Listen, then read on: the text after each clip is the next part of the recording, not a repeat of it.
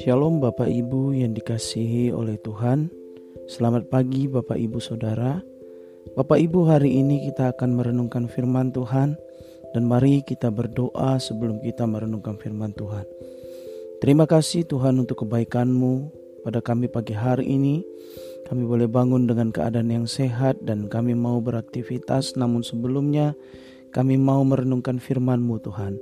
Kiranya Engkau menolong kami ya Tuhan untuk mengerti, memahami setiap kebenaran firman-Mu yang kami renungkan di pagi hari ini. Terpujilah namamu ya Tuhan, di dalam nama Tuhan Yesus kami berdoa. Haleluya. Amin. Bapak Ibu Saudara, renungan kita pada pagi hari ini telah sampai di dalam Yesaya pasal yang ke-63. Mari kita membaca Yesaya pasal yang ke-63 dan kita akan melihat secara khusus kepada ayat yang ke-7 dan ayat yang ke-6.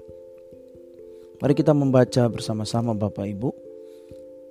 Aku hendak menyebut-nyebut perbuatan kasih setia Tuhan, perbuatan Tuhan yang masyur, sesuai dengan segala yang dilakukan Tuhan kepada kita dan kebajikan yang besar kepada kaum Israel yang dilakukannya kepada mereka sesuai dengan kasih sayangnya dan sesuai dengan kasih setianya yang besar.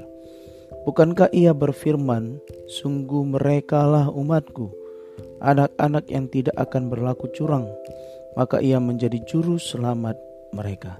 Bapak ibu saudara di dalam kehidupan ini tentu setiap kita pasti pernah mengalami yang namanya kasih setia Tuhan, Bapak Ibu Saudara. Amin. Tidak ada satu orang pun di antara kita yang tidak pernah merasakan atau mengalami kasih daripada Tuhan. Mungkin hari-hari ini kita mengalami tantangan, hari-hari ini kita mengalami pergumulan, tetapi itu semua tidak bisa mengurangi atau tidak bisa menjadi alasan bahwa Tuhan itu tidak mengasihi kita. Dalam kehidupan kita, Tuhan itu sangat mengasihi kita ada atau tidaknya tantangan dan pergumulan dalam hidup kita, Tuhan tetaplah adalah Allah yang mengasihi Bapak Ibu Saudara. Di dalam ayat yang lain, di dalam kitab yang lain Bapak Ibu dalam Alkitab kita dikatakan bahwa dia uh, firman Tuhan mengatakan bahwa dia adalah Allah yang adalah kasih. Dia adalah kasih. Dia tidak bisa mengingkari dirinya bahwa dia adalah kasih itu Bapak Ibu Saudara. Pergumulan dan tantangan yang kita hadapi bukanlah suatu alasan yang membuat kita tidak bisa melihat dan tidak mengalami kasih Tuhan. Justru di balik pergumulan yang kita alami, di balik tantangan-tantangan, kesulitan-kesulitan yang kita alami, justru itu adalah kesempatan untuk kita melihat betapa Tuhan mengasihi kita. Bapak Ibu Saudara bisa melihat dan dan membaca di dalam Alkitab dan kita sendiri mengalaminya bahwa tanpa kasih Tuhan, maka tidak ada keselamatan yang terjadi dalam kehidupan kita. Yohanes 3 ayat 16 mengatakan karena begitu besar kasih Allah akan dunia ini sehingga ia mengaruniakan anaknya yang tunggal supaya setiap orang percaya kepadanya tidak binasa melainkan beroleh hidup yang kekal. Kita pasti akan binasa di dalam dosa kita, di dalam kelanggaran dan kesalahan kita. Jikalau bukan karena kasih Allah, dia memberikan Yesus kepada kita. Kemudian Yesus mati di kayu salib, suatu kematian yang begitu mengerikan. Tetapi kematian yang begitu mengerikan itu menunjukkan kasihnya sehingga dia uh, mau mati dan menyelamatkan kita Bapak Ibu. Teks di dalam Yesaya 63 ayat 7 ayat sampai ayat yang ke-8 ini menunjukkan kasih Allah. Sebelum pas, uh, pasal sebelum ayat yang ke-7 Bapak Ibu Saudara, Sebenarnya di dalam ayat yang sebelumnya Tuhan telah me, uh, menyebutkan dirinya identitasnya sebagai Allah yang mengasihi Bapak Ibu dan dia berkuasa untuk menyelamatkan. Bapak Ibu Saudara, mari kita melihat dikatakan di sana Bapak Ibu Saudara di dalam ayatnya yang ke ayatnya yang ke satu dikatakan siapa dia yang datang dari Edom yang datang dari Busra dengan baju yang merah. Dia yang bersemarak dengan pakaiannya, yang melangkah dengan kekuatannya yang besar.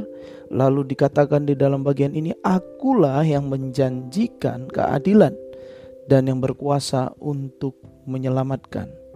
Jadi Tuhan adalah Allah yang berkuasa atas keadilan. Dialah si pengadil.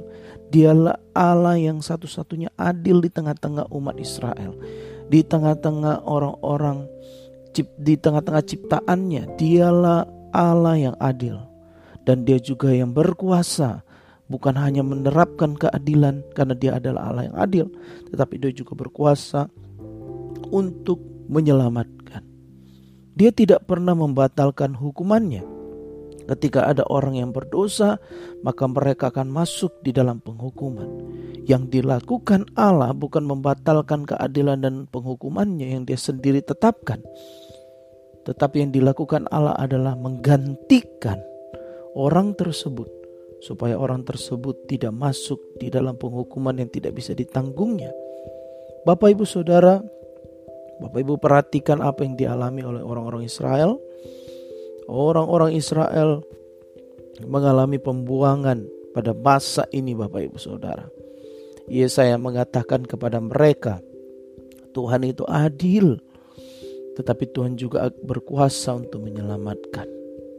Bapak, ibu, saudara melihat bagaimana Tuhan pada akhirnya menepati janjinya bahwa Dia menyelamatkan Israel. Dia membawa Israel kembali kepada tanah perjanjian, Bapak Ibu. Sebagai Allah yang berkuasa untuk menetapkan keadilan dan menyelamatkan mereka. Bapak Ibu ayat yang ketujuh dikatakan bahwa dia adalah satu-satunya dan dia adalah Allah yang penuh kasih karunia. Aku hendak menyebut-nyebut perbuatan kasih setia Tuhan. Perbuatan Tuhan yang masyur sesuai dengan segala yang dilakukan Tuhan kepada kita. Dan kebajikan yang besar kepada kaum Israel yang dilakukannya kepada mereka sesuai dengan kasih sayangnya. Dan sesuai dengan kasih setianya yang besar. Kita melihat perjalanan orang-orang Israel di dalam Alkitab. Tuhan begitu sayang kepada mereka tetapi mereka tidak sayang kepada Tuhan. Mereka tidak setia kepada Tuhan. Bapak Ibu perhatikan, ketika Tuhan menjadikan mereka adalah anak-anaknya, menjadikan mereka sebagai umatnya, berkali-kali orang-orang Israel telah mengecewakan Tuhan. Tetapi berkali-kali Tuhan menyatakan menunjukkan kasih setianya kepada mereka. Sebagai contoh di dalam kitab Hosea, Tuhan menjadikan Hosea dan keluarganya sebagai gambaran Tuhan dengan orang Israel. Bagaimana istri dari Hosea yaitu Gomer berkali-kali menyakiti hati Hosea. Tetapi Hosea, Tuhan menyuruh Hosea untuk kembali menerima Gomer. Kembali menyelamatkan menebus Gomer. Kembali untuk membawa Gomer pulang ke rumah. Tuhan juga demikian Bapak Ibu Saudara di mana dia menunjukkan kepada orang Israel seperti apa pun dosa orang Israel, seperti apa pun kekecewaan yang diberikan orang Israel kepadanya, dia tetap akan mencari, menebus, dan akan membawa kembali orang-orang Israel itu pulang ke rumah. Demikian juga di dalam teks ini, Bapak Ibu Saudara, dia mengatakan sesuai dengan kasih setia Tuhan, sesuai dengan kasih sayangnya, jadi Tuhan begitu sayang kepada orang Israel dan semua yang dialami orang Israel sesungguhnya semuanya adalah kasih setia Tuhan. Ayat yang ke-8 bukankah ia berfirman, sungguh mereka lah umatku, anak-anak yang tidak berlaku curang, maka ia menjadi juru selamat mereka. Tuhan melihat ke depan bahwa suatu saat orang-orang Israel, bahkan orang-orang yang menyembah kepadanya, akan menjadi umat-umat Tuhan, anak-anak Tuhan yang hidup di dalam kebenaran. Dan ketika mereka hidup dalam kebenaran, maka keselamatan, pertolongan dan perlindungan akan selalu ada bagi mereka. Bapak Ibu Saudara, uh, renungan kita pada pagi hari ini mengingatkan kita Bapak Ibu bahwa apa pun yang terjadi di dalam kehidupanmu, semua adalah kasih karunia Tuhan, kasih setia Tuhan.